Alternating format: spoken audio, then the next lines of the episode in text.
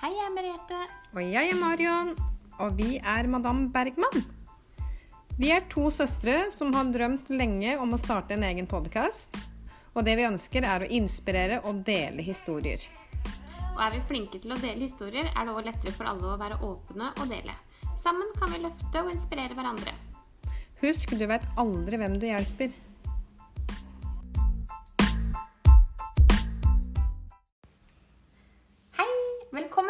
Bergman. Hallo!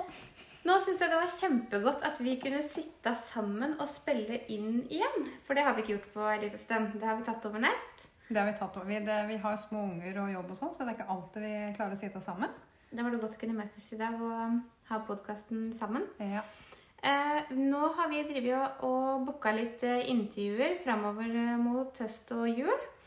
Eh, veldig, det handler på en måte veldig mye om rus og pårørende, egentlig. Mm -hmm. så vi tenkte egentlig at det var ganske fint i dag at vi kunne ta og fortelle litt historia vår. Mm -hmm. hvorfor vi på en måte brenner så for akkurat eh, det her, da. Ja. Vi har jo nå akkurat vært i Hadeland. Avisen Hadeland. Og delt historia vår der òg. Nå er det, er det ikke alle som eh, leser Hadeland. Det er ikke alle som kjenner oss så godt heller, som vet så mye om eh, hvem vi er, og hvorfor vi er her vi er i dag. Eh, Så det vi skal prate om litt i dag, er eh, mamma. Mm. Eh, litt om reisa vår med mamma. Eh, mamma var alkoholiker og døde når hun var eh, 49. Mm. Eh, Det er nå 11 år siden. Nå, faktisk nå i oktober, så det er, det er gått fort. Men det er ikke fort heller. Nei, det er litt rart det der, for det virker som det var i går, og så er det elleve år siden. Ja. Det er litt rart. Eh, Så nå har vi litt lyst til å fortelle litt en uh, historie fra, våres, uh, våres versjon, da, hvordan vi følte det. Hvordan vi følte det var å være pårørende. Uh, litt, vi skal prate litt om alkoholikere nå, men jeg tenker det kan vi ta en egen episode om og fokusere litt på alkoholikeren. Men det vi, i dag skal vi prate litt om hvordan vi har følt det. Mm. Mhm. Vil du begynne, Da tenker jeg vi kan begynne litt å prate om eh, barndommen vår. Mm. Vi hadde en veldig fin barndom. Vi hadde en veldig trygg og god eh, barndom. Jeg tror vi hadde en barndom som kanskje de aller fleste vil kalle som en sånn eh, Altså en god barndom. At da, mamma hun var veldig, veldig omsorgsfull. Det var hun jo til siste slutt. Eh, Hun satte jo alltid oss eh, først. Veldig glad i ungene sine. Gjorde jo alt for oss. Mm. gjorde alt for at vi skulle ha det bra, og at vi skulle føle oss veldig sånn sett og hørt. Um, veldig opptatt av å lære oss uh, sånne små, grunnleggende ting. Um, jeg tror mye av den godheten og mye av det grunnleggende fundamentet som vi sitter med i dag, er jo på begrunn av hun. Ehm, og hun var jo veldig sånn at eh, vi skulle aldri dømme noen. Nei, men riktig. Hvis det var noen som, eh, som lå nede, vi skulle alltid hjelpe dem opp igjen. Vi skulle aldri liksom sette noen merkelapp på noen, for alle var like mye verdt. Um, mamma var alltid veldig sånn med, med folk at uh, hun så alle, uansett, om du, uansett hvor du kom ifra, eller hva du, um, eller hva du dreiv med. Hun var veldig åpen for alle sammen. Mhm. Hun, var veldig, hun klarte alltid å se bak folk, eller på en måte inni folk litt. da. Så alltid det gode inni folk. Ja. Eh, og så var hun veldig flink til å si det at eh, hvis det var noe eller det var noe sånn, hvis det var noe negativt, så sa hun alltid at det er alltid en grunn til det. Mm. Eh, det skal være litt forsiktig med å antyde ting, for dere vet faktisk ikke hele historien. Mm. Og det er noe du skjønner veldig når du blir eldre òg, at det er jo faktisk en grunn til at du er den du er. Mhm. Så hun hadde veldig mye fine verdier. Hun var eh, hun, hun sa liksom du skulle ikke si noe vondt om noen. Skulle du, da, er det jeg sa for noe? Har du ikke noe godt å si om noen, så skal du heller ikke si noe. Mm. Og det sa veldig mye. Og det er jo noe, veldig noe i det, da. Du skal jo ikke si så mye negativt, og det er i hvert fall det gagner deg ikke, da. Nei. Og hun sa ikke noe negativt om noen Nei, heller. hun gjorde ikke det. Hvis jeg ikke hadde noe godt å si, så sa jeg heller ikke noe. Nei. Eh, Jeg husker, det som jeg husker sånn veldig godt fra barndommen, er det den tryggheten du prater om, er at hun var alltid hjemme når vi kom tilbake fra skolen. Eh, hun var alltid Hun var jo hjemmeværende Jeg husker ikke helt hvor lenge hun var hjemmeværende, men hun tok jo da vi hadde utdannelse som helsefagarbeider. Men da var jo vi Vi var jo små, men hun gikk jo litt på skole og sånne ting, men vi var jo hjemme. Mm. Eh, og da husker jeg den tryggheten da når vi kom opp fra skolen, så var hun hjemme. Mm. Og hvis jeg da hadde lagd pannekaker, så var det jo bare luksus. Mm. Ja. Hun var alltid hjemme og venta på oss. ja.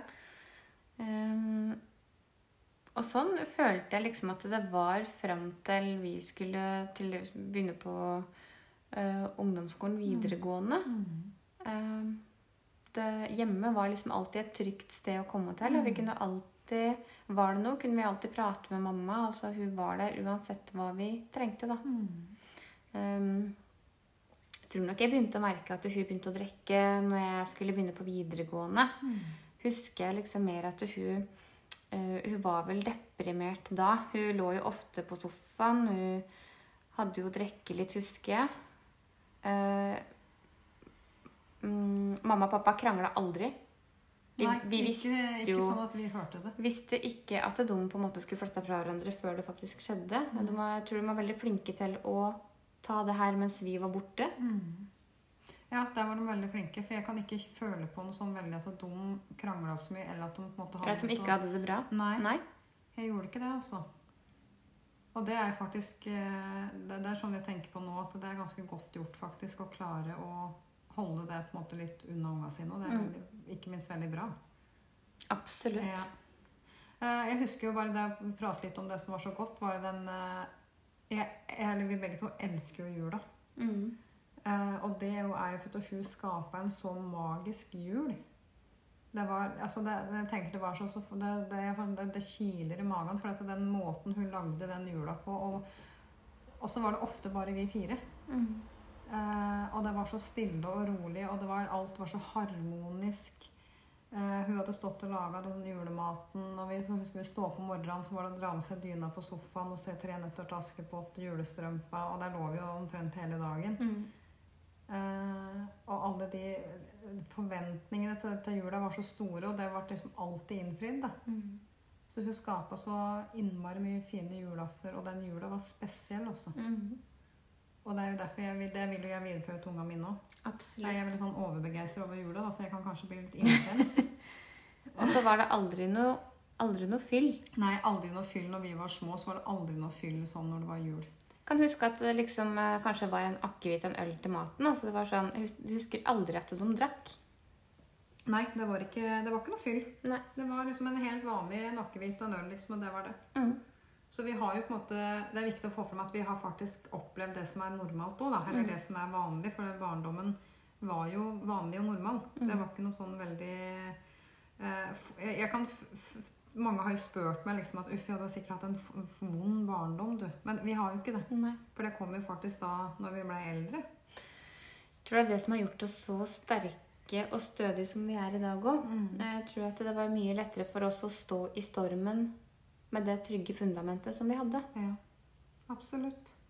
Vi var heldige. Det er ikke Mm. alle som har vært så heldige ha hatt den, eh, det fundamentet i bånn. Altså. Nei, Det er ikke alle som veit hva det er å ha en trygg og god barndom. Absolutt ikke. Så vi har vært eh, heldige som har det fra Ja. begynnelsen av. Vi har vært veldig heldige. Det har eh, mye å si. Eh, litt om ungdomstida vår. Da. Det, der òg føler jeg at vi hadde en veldig fin ungdomstid. Vi Mm. har eh, vært som alle andre ungdommer. Mm. Vi har festa, og vi har vært med mye venner, og vi har hadde det på en måte godt der òg. Eh, Sjøl om det kanskje begynte sånn smått med hun da, så merka ikke jeg så mye av det da heller. på en måte. Jeg kunne kanskje merke litt, men det var ikke noe sånn at det gikk utover noe, eller at jeg hadde vondt i magen da. Eh, og vi hadde veldig mye gode venner. Eh, og igjen få fram det der den godheten hennes, at det var jo åpent hus hjemme hos oss hele tida. Alle Mm. kunne komme inn når de ville. De var velkomne uansett. Mm. Eh, hun satt alltid og prata med vennene våre. Mm. Eh, og så ble det kalt Mor Tangen. Mm. Alle visste hvem Mor Tangen var, for hun var så inkluderende. Og det ble veldig naturlig for oss å dra med oss alle vennene våre hjem igjen. Mm. Ikke sikkert hun syntes at det var like ålreit hele tida. Og fullt hus. Men uh, hun sa jo aldri, sa jo aldri nei. Nei. Uh, og det var jo viktig for oss òg, for det er klart vi ble veldig trygge hjemme. Og, eh, og vi kunne ta med vennene våre og kunne sitte sammen med mamma og prate. Mm. Og det tror jeg mange av vennene våre har faktisk kommentert òg, at det, der, det var mye fine samtaler. Ehm, Jeg vet ikke, altså Litt den ungdomstida. litt den derre Da skal du utforske litt, da skal drikke litt. og Han skal på en måte finne seg sjøl litt. da. Så jeg er veldig glad for at jeg på en måte hadde den At jeg fikk oppleve den ungdomstida Mm. fullt ut. For det som kom etterpå, på en måte var jo såpass tungt da, at jeg er veldig glad for at vi hadde den At vi hadde opplevd den fine ungdomstida. Mm. Hva tenker du om det? Jeg tenker akkurat det samme. Jeg tenker Vi har hatt vanvittig mye godt i livet vårt før ehm, Før ting på en måte blei veldig alvorlig, da. Ehm, vi fikk være unger, vi fikk være ungdommer. Vi har på en måte fått lov til å utforske, vi har fått lov til å på en måte bli uh, den vi er i dag, på en måte før, før det kom en storm, da. Og jeg tenker at det har, eh, det har nok hatt mye å si for åssen vi har takla alt det her òg. Um, og så er det noe med at uh, mamma hun gjorde alt for oss. Og det var på en måte så naturlig for oss å være der for mamma når hun trengte oss. Um, jeg husker det blei jo da veldig turbulent når hun flytta. Ja, for hun flytta jo da til Nord-Norge, og da var du 16, var det det? Mm. Og jeg var 18. Uh, og det husker jeg jo at da var det jo da, Akkurat som hun flykta litt, da. Det var jo det jeg gjorde. Hun flyktet på en måte fra problemene sine. For Mm. da hadde jeg jo begynt å føle på sjøl at det begynte å gå veldig nedover. da. Mm. Eh, og den perioden der, da husker jeg på en måte at da, først da kjente jeg på at livet begynte å bli vanskelig. Da, da syns jeg ting begynte å bli Da skjønte jeg egentlig ikke hva som skjedde heller. Jeg, jeg klarte ikke å, å analysere egentlig hva er greia, hvorfor skjer det, hva med oss oppi alt dette. Mm. Eh, og du var jo 16 nå. Eh, og vi var jo unge. Men samtidig så var vi liksom voksne òg. Mm. Eh, når du er 16-18, så tror du at du kan og veit alt. Da. Eh, og, da var, og, da, og da husker jeg at da begynte det på en måte ting å gå veldig nedover. Det må alle si. Ja, med absolutt alle. Da, da gikk vi fort nedover, eh, og det var ganske brutalt, egentlig. Mm. Eh, Jeg husker veldig godt at jeg jobba som lærling da, den perioden. Og jeg husker mamma ringte veldig mye til meg og var veldig mye sint eh, og frustrert. Og hun ringte jo da som regel når jeg var full. Eh, Og dette er jo ikke noe sånn kjempemorsomt når du er på jobb eller og telefonen ringer, og det er mamma som ringer kjempefull. Mm. Og det husker jeg tæra skikkelig. Men samtidig så Jeg vet ikke, for hun følte at jeg har alltid vært sånn veldig sånn bestemt. Jeg har alltid vært veldig sånn bestemt og sagt hva jeg mener. Og det tror jeg på en måte det ble kanskje, kanskje derfor jeg ringte til meg og brukte seg litt. da. Mm. Jeg fikk liksom den greia der. Mm. Uh, og da, i den perioden Hun var jo borte bare i Var det tre måneder hun var borte? Ja, det tror jeg. Ja. Uh, og når hun kom igjen da, det er egentlig da føler jeg at alt begynte egentlig da at det ble verre når hun kom igjen. Mm. Uh, hun hadde jo gått ned mange mange kilo, og hun var jo så tynn. Hun var jo helt Altså, Vi kjente henne ikke igjen når hun kom tilbake. Mm. Eh, da hadde hun vel sikkert drukket janta i de tre månedene og var veldig psykisk ustabil. Mm. Husker du noe veldig fra den perioden der? Ja Um, Jeg husker vel at hun Altså jeg husker veldig godt når hun kom igjen. Og det er som du sier, at jeg kjente henne jo ikke igjen. Ehm, og hun var, Et hun var, var veldig borte, da. Jeg liksom Jeg kunne ikke si at eh, altså Jeg husker så godt vi satt og åt middag sammen, men jeg kunne ikke si at jeg satt og åt middag med mamma, for jeg kjente henne ikke igjen. Nei. Altså det er liksom Hun var ikke der. Nei. Hun, hun var såpass um, Hun hadde mista seg sjøl totalt, tror jeg, i løpet av noen tre måneder. Ja. Um, og så begynte hun nok å gå litt grann bedre. Um, og hun fikk jo kjøpt seg et eh, hus, Mm. og begynte jo å jobbe igjen. Så når hun kjøpte seg det huset i Brandbu, så da hadde hun sånn utleiedel eh, i kjelleren. Eh, så da flyttet jo du inn der først. Mm. Kanskje du vil fortelle litt om den perioden som du hadde der? Eh, ja, det er som jeg sier, det er faktisk den verste og den beste perioden i livet mitt. Eh, da hadde jeg jo begynt å jobbe og hadde det jo egentlig kjempefint sånn sosialt med vennene mine, og jeg var ute og levde livet. Jeg var jo 18-19 år. Eh, men samtidig da, når du da eh, da, klart, Hun drakk jo mer da. Eh, hun hadde jo, fått, hadde jo jobben sin og, og hadde jo fått det huset, hun klarte jo på en måte å holde det i sånn i sjakk. Eh, men det begynte jo å gå veldig nedover. Mm. Eh, og det var mange ganger som jeg våkna midt på natta som var, var full, hun datt. ikke sant? Det var den frykta hele tida, da. Eh, jeg husker jeg sleit jo veldig Jeg begynte å merke da på meg sjøl. Eh, jeg hadde veldig mye vondt i magen. Eh, jeg klarte ikke å ete så mye. Alt kom ut igjen hele tida. Det varte faktisk da i en lang periode. Mm -hmm. Så jeg merka da at det begynte å sette seg litt i kroppen på meg. For da begynte jeg egentlig å skjønne at eh, det er jo egentlig ikke normalt å ha det sånn. Det er ikke normalt å leve under dette her heller. Men det var jo mamma. Så jeg ville jo gjerne bo der, og det var den tryggheten mamma var i annen etasje nå. Men det var vel heller jeg som passa på hun, enn at hun passa på meg. Mhm. Eh, Åssen fikk du det her til å gå opp med jobb og sånn, da? Nei, det var jo ikke alltid like enkelt. Eh, Det var jo ofte at jeg var eh, våken hele natta. Jeg Var kanskje oppe der og hjalp hun og prata med hun. Eh, Hun kunne være sint, hun kunne være lei seg, hun kunne gråte. Eh, Og den følelsen du sitter med sjøl da etterpå, er jo heller ikke noe som er så greit å takle i en alder av 18 år, da.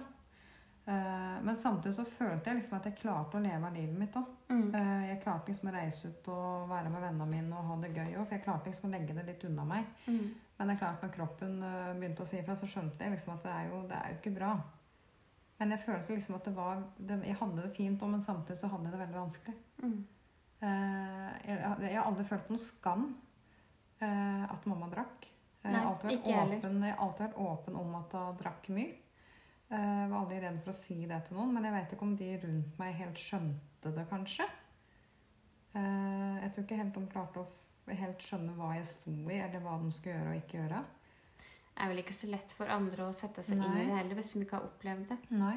Eh, men så møtte jeg jo eh, Lars Gudbrand. Vi møttes jo mens jeg bodde nedi der, og da etter hvert så flyttet jo vi da til Gran. Eh, og da syntes jeg faktisk det var godt å komme meg litt unna. Da kjente jeg at det var greit å eh, For det var veldig tungt, det det sto i. Jeg husker jeg fikk vondt i magen med en gang jeg, kom, med en gang jeg gikk inn hjemme. så fikk jeg vondt i magen. Mm. Eh, og den slapp litt når jeg flyttet, men da flyttet jo du inn Mm. etter meg. Mm. Jeg følte veldig på det du, du sier der, fordi at um, jeg, jeg følte vel litt at den som på en måte bodde der, var jo på en måte den som levde i det hele tida. Eh, Du fikk det litt på avstand når du ikke bodde der. Ja. Um, så jeg visste jo litt grann hva jeg flyttet til, men det er som du også sier at det, og den tryggheten og den godheten som mamma var, det var Mm. liksom Det gjorde opp for alt det negative, da. Mm. Um, så jeg flyttet inn med å nøle et sekund. Mm. Uh, jeg husker veldig godt eh, Jeg har jo samme opplevelsen som deg, at um, jeg sov veldig lite. Jeg var veldig mye sjuk, husker jeg. Mm. Um, jeg var sjuk stort sett eh, en gang i måneden, altså Mm. som jeg var veldig dårlig. Mm. Jeg jobba mye på den perioden der. Um, jeg husker at jeg hadde mange, mange netter, våkennetter, eh, som, jeg ikke, mm, som jeg ikke sov, og det var veldig Det du kanskje hadde opplevd i løpet av den natta, da. Det måtte på en måte proste, Du måtte liksom sette deg ned liksom, og tenke litt, og liksom, det var så vanskelig å liksom, Mm. på en måte bare legge seg og sove, da. Jeg husker jeg sleit veldig med å sove på den tida der òg. Mm. Det var liksom alltid et eller annet. Uh, og så uh, begynte det å bli veldig vanskelig med jobben. Mm. Jeg forsov meg titt ja, og ofte. Um, Jeg fikk jo til og med vekkerklokke, husker jeg, julegave av sjefen. Jeg har jo alltid vært veldig åpen med sjefen min og fortalt åssen det har vært hjemme. Det er en grunn til at jeg forsover meg. Det er en grunn til at jeg kanskje ikke kommer på jobb. Det er jo um, det er ikke fordi at jeg ikke vil, det er fordi at omstendigheter rundt gjør at ting blir veldig vanskelig. Mm. Um, jeg husker så godt um, Jeg tror jeg hadde hatt ikke, 50 ubesvarte anrop på jobb. Uh, klokka var halv ett. Jeg skulle vært på jobb halv åtte. Ja. Da våkner jeg. Mm.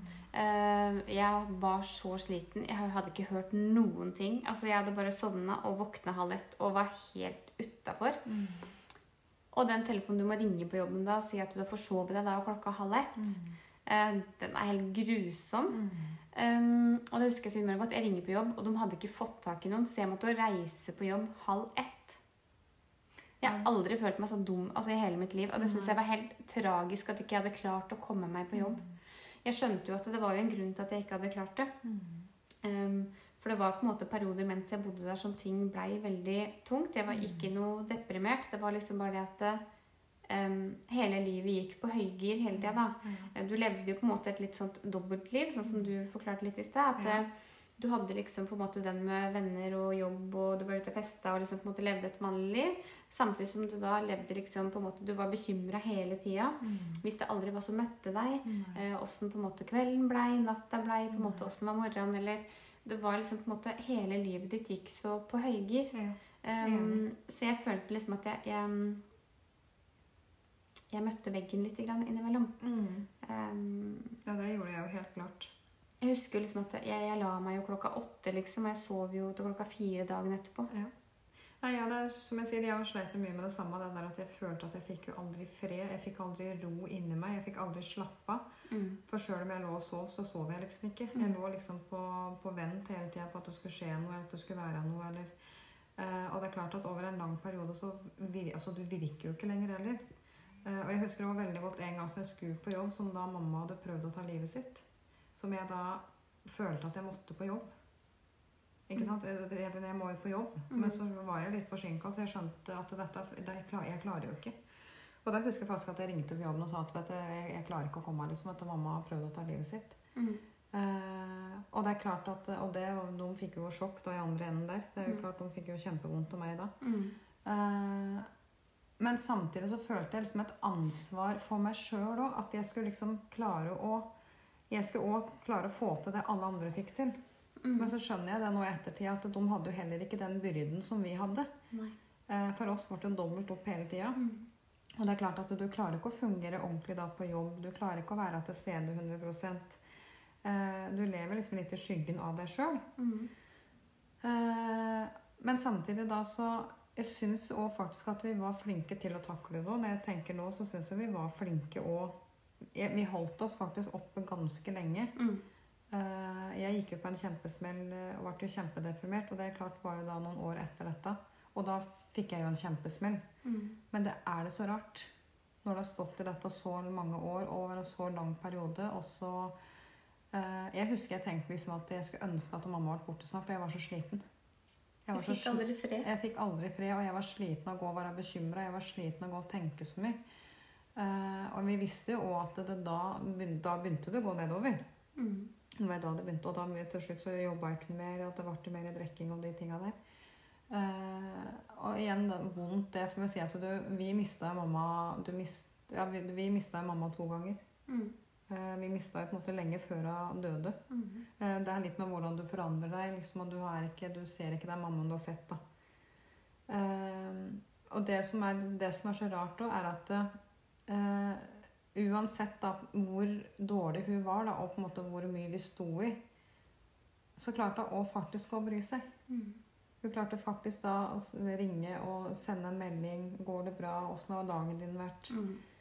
Eh, og det er ganske godt gjort når Mm. du sliter så psykisk, og appåtil da du er en alkoholiker og Mm. har nok med deg sjøl, så klarte hun faktisk da å bry seg om òg. Og det tenker jeg For meg så er det viktig å, å ikke glemme det, at hun faktisk brøy seg helt til siste slutt. da.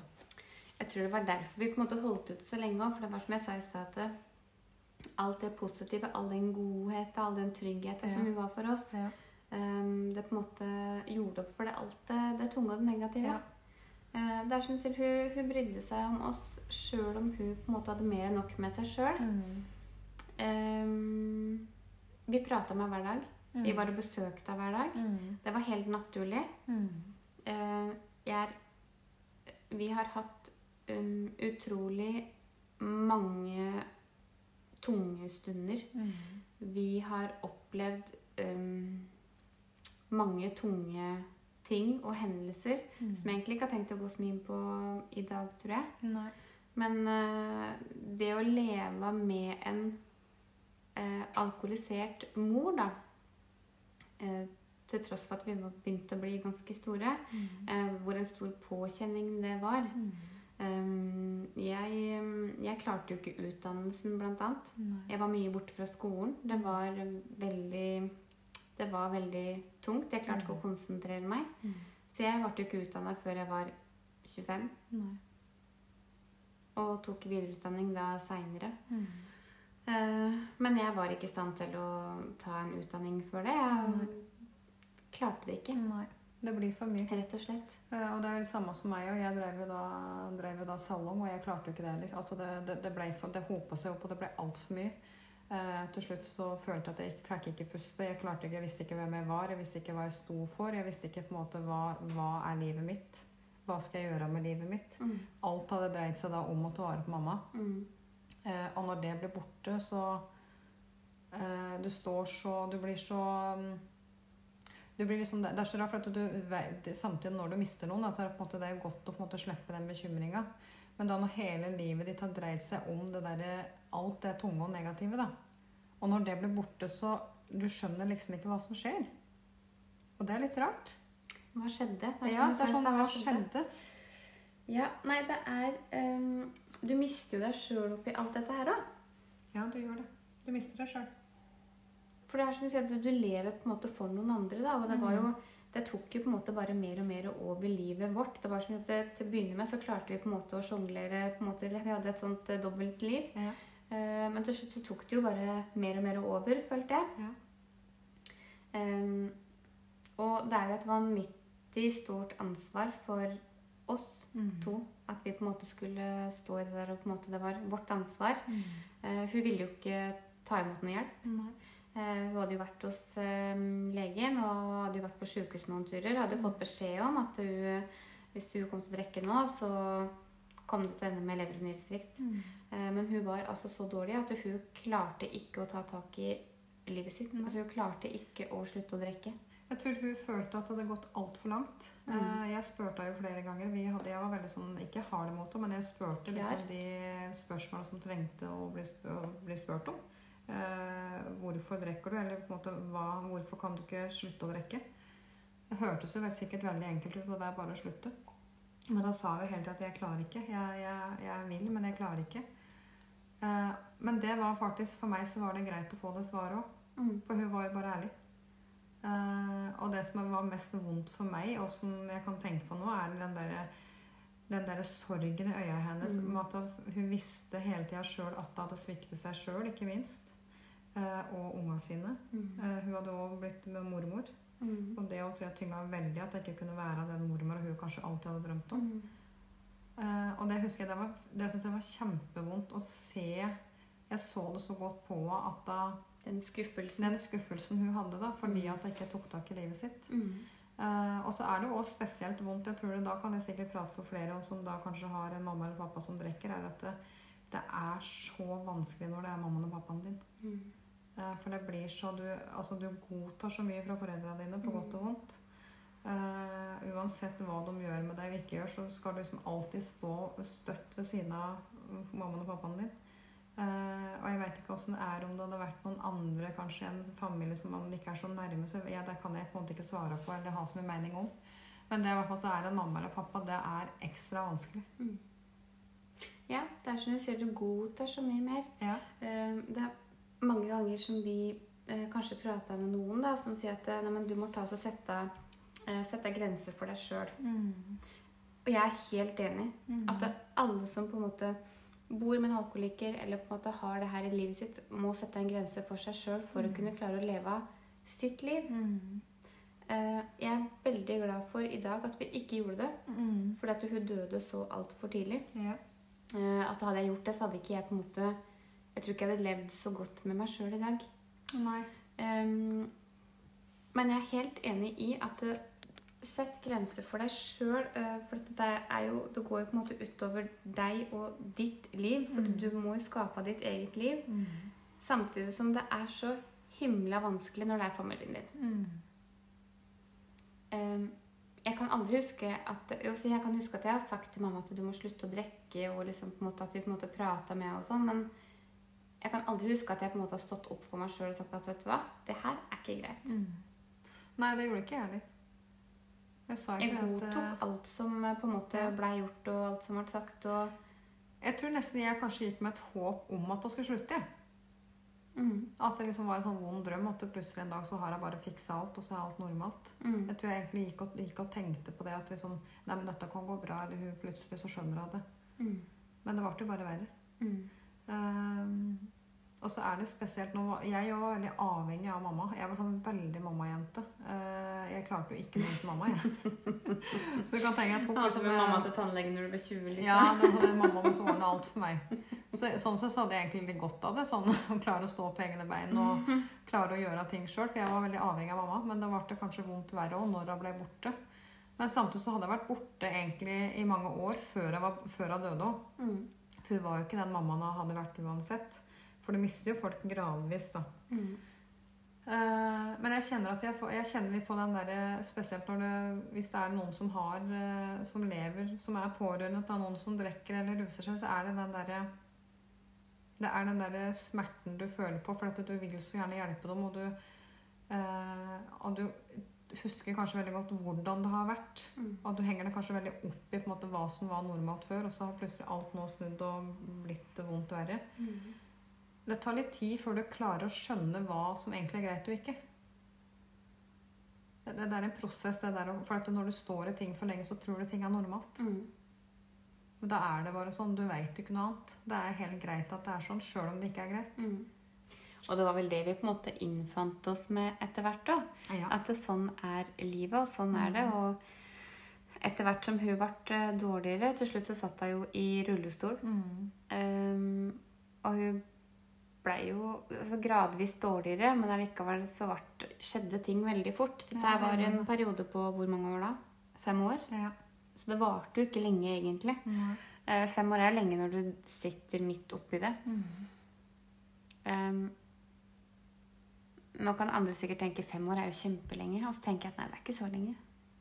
Altså, du blir, altså, du du blir jo så du, du blir jo ødelagt å på en måte leve i dette her òg. ja. Jeg hadde sikkert godtatt i flere år til Ja. uten at jeg liksom hadde gjort noe. eller sånn um... Men det er der jeg tenker liksom vi prater om at vi har vært heldige som har hatt det normale, da, det fundamentet med barndommen og ungdomstida. på en måte. mm, Uh, og da kan jeg på en måte tenke hvordan er det hvis du på en måte har levd i dette i 10-15-20 år? da? Eller hvis du er født i Eller hvis det er født inn i det her. Det Mm. måte, da vet du i hvert fall ikke da vet du ikke hva som er forskjellen, egentlig. F, nei.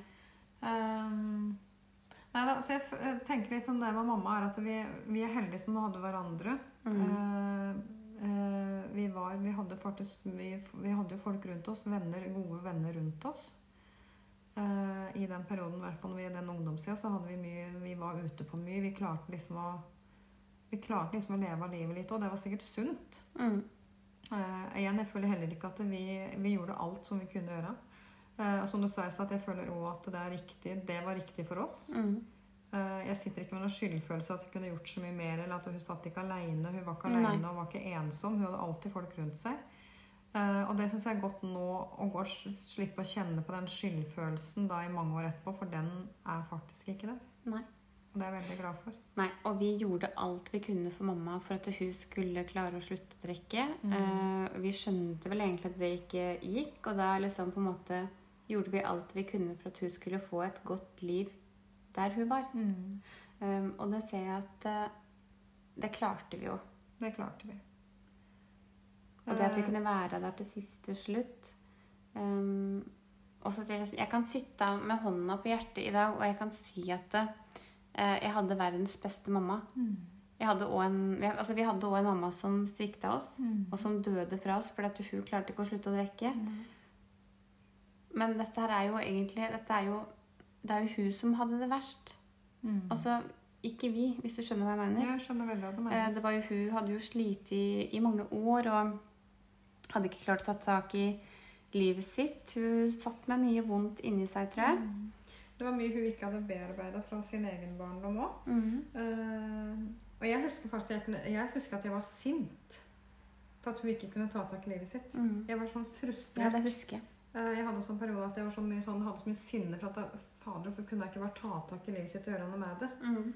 Uh, men det er jo lettere sagt enn gjort. Og det er som jeg sier at det hadde, hadde, alle, hadde vært så enkelt for alle da, å ta tak i ting, så hadde jo aldri, da hadde ikke folk hatt problemer. Nei. Så det er jo på en måte lett å si at ja, men jøss, navn kan du ikke bare gjøre sånn og sånn. Mm. Det er ikke så enkelt. Og da hadde jo ikke folk vært alkoholikere heller. Nei. Det er ingen som våkner en dag og sier at nei, nå skal jeg bli alkoholiker og ødelegge livet mitt. Det er på en måte de små valga og de små tinga hele livet som ut, utgjør veldig mye til slutt. da. Mm. Eh, Det er jo på en måte, det er jo en reise du tar òg i rett mange år som gjør at du faktisk begynner å drikke, eller at du ikke begynner å drikke. Mm. Eh, Så da ser du hvor viktig det er å på en måte stå opp for deg sjøl, ta de riktige valgene for deg sjøl. Og kjenne på at når ting ikke er greit, så er det faktisk greit at det ikke er greit. Mm. For det tror jeg aldri hun turte å kjenne på, eller hun ville ikke erkjenne for seg sjøl. Nei. Eh, og det har jeg lært, uh, gudskjelov for meg sjøl òg, at jeg kjenner at det er Jeg tør å være åpen og kunne si at ting er vanskelig, og at, det er, eh, at ting kan være kjipt. Mm. Og det er helt normalt. Mm. Og det er greit. Og det er greit. Og at du kan få lov til å være der og kjenne på at ting er litt kjipt. Ja, At det faktisk er greit. det er faktisk greit. Og det er faktisk greit å kunne si nei til ting. Og det er greit å kunne ta tak i livet ditt og gjøre litt hva som du sjøl vil. Mm. For det er faktisk livet ditt og ikke ingen andre sitt. Mm. Eh, og det er mange som ikke gjør det, og det går galt. Mm. Dessverre. Og da mamma, og ikke minst. En annen ting der eh, Jeg tror vi kan bli flinkere til eh, Hvis folk da sliter med et eller annet, de har det vondt med et eller annet, så er vi veldig flinke til å si at eh, Nei, men du vet hva, dette går bra. Dette skal du klare. Opp, nå må du opp og reise deg. Nå må du komme deg videre. Jeg tror vi er litt for kjappe til å si at folk skal um, komme seg videre. Ja, og det, da kan jeg fortelle litt der, for det kjenner jeg litt på sjøl òg. For jeg følte mange rundt meg var sånn derre Ja, men livet går videre. Kom deg jobb igjen. Dette ordner seg. Og så tenkte jeg herregud, jeg har jo akkurat mista mammaen min. Mm. Jeg har jo stått i så mye dritt i så mange år. Hvordan skal jeg klare, klare å fungere? Mm. Men det var mange som var veldig sånn der Bli ferdig. Det er sånn er det. Sånn er livet. Mm. Svart-hvitt. Det var akkurat det jeg følte på.